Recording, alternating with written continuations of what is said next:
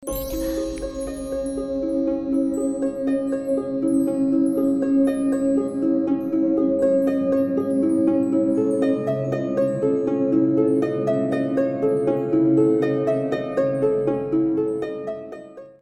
datang dan selamat malam.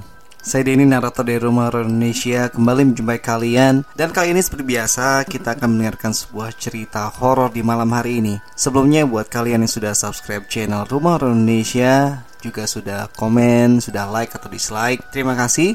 Dan buat kalian yang juga setia mendengarkan saya di podcast Rumah Horor Indonesia di Spotify, juga makasih dan mohon kesediaannya buat mampir ke YouTube RHI atau Rumah Horor Indonesia buat subscribe karena itu bakal membantu banget. Dan terima kasih banget buat kalian yang sudah. Dan cerita kita pada malam hari ini berjudul Mati Wingi Kapuk Anyar. Sebelum saya melanjutkan cerita ini, judul yang tadi itu artinya kurang lebih mati wingi, mati kemarin, kapok anyar, kapas baru. Dan begini cerita selengkapnya. Di sebuah desa kecil tak jauh dari kota Kendal, hiduplah seorang perempuan paruh baya penjajah tape. Tape itu kalau di Jawa Barat itu peyem ya. Kurang lebih seperti itu. Sebut saja namanya Mbok Mira. Setiap jam 4 pagi, beliau sudah membawa pikulan berisi tape dan berjalan menuju ke pasar Kendal. Pada waktu itu, angkutan desa belumlah seramai sekarang. Mbok Mira memiliki tubuh agak pendek dan selalu berjalan agak menunduk karena beban pikulannya yang selalu ada di punggungnya. Setiap hari, beliau selalu melalui jalan yang sama yaitu jalan setapak dengan hamparan sawah di sebelah kanan dan kiri. Namun pagi itu mungkin menjadi pagi yang tak akan pernah dilupakan oleh Mbok Mira. Mbok Mira berjalan riang sambil sesekali bersenandung untuk mengurangi hawa dingin yang menusuk kulit tubuhnya. Dia sudah terbiasa seperti ini. Semoga hari ini tapeku laris. Doanya selalu.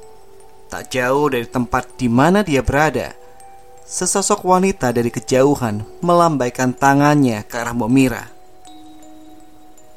Loh, itu siapa ya? Kok manggil-manggil? Apa mau beli tape? Pikirnya kebingungan. Mbok Mira menoleh ke kanan dan ke kiri. Namun tak ada seorang pun di sana selain dirinya. Tanpa ragu, Mbok Mira menghampiri wanita tadi Mau beli tape mbak? Tanya Mbok Mira sambil menurunkan pikulannya. Ya, saya beli 40 mbok. Jawab wanita itu lirih.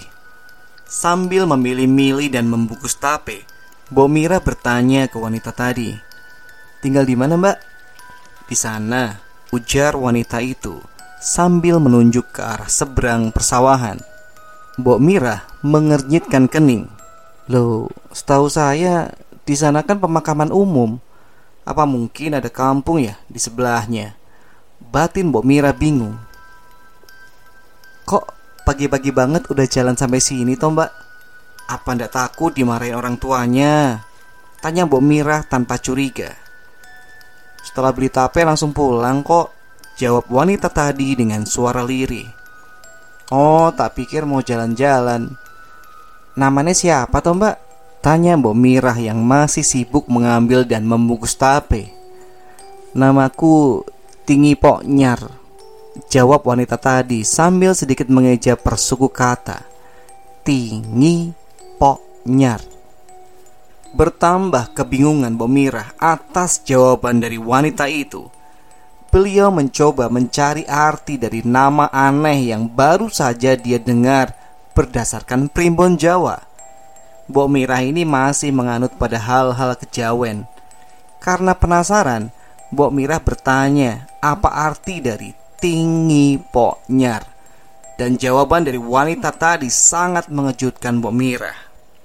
Masa ndak tahu artinya toh Mbok?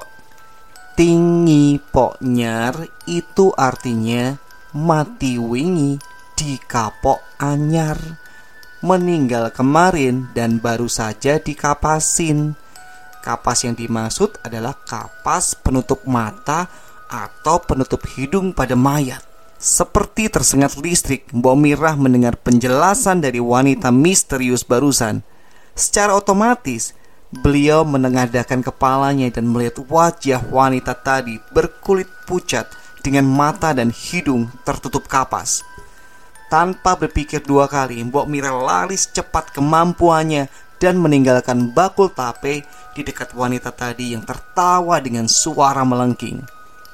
Bomira berlari menuju perkampungan terdekat tanpa berani menoleh ke belakang. Beliau terus berlari hingga menemukan seorang wanita muda yang sedang menyapu di halaman rumahnya. Dengan panik dan nafas tersengal, Bomira meminta izin kepada wanita muda itu untuk beristirahat dan meminta minum. Wanita muda yang bernama Hesti itu mempersilahkan Bomira duduk di teras rumah lalu memberinya segelas air putih.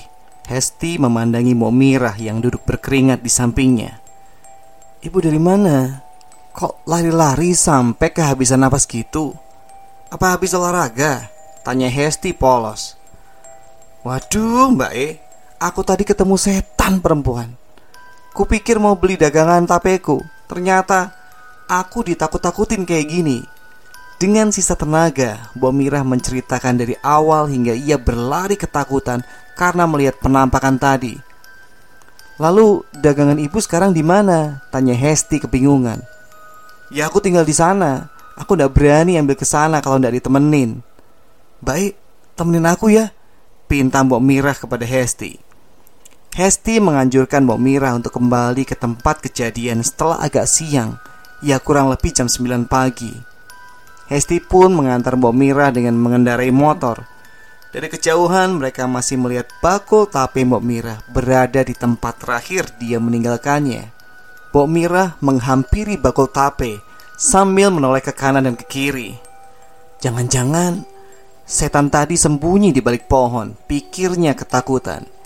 Hingga tiba di hadapannya, bakul tape yang tertutup oleh daun pisang. Mbok Mirah mengangkatnya dan merasa keheranan. Loh, kok bakulku enteng banget? Katanya pada Hesti. Coba dilihat dulu mbok. Mungkin ada yang ngambil tapenya tadi.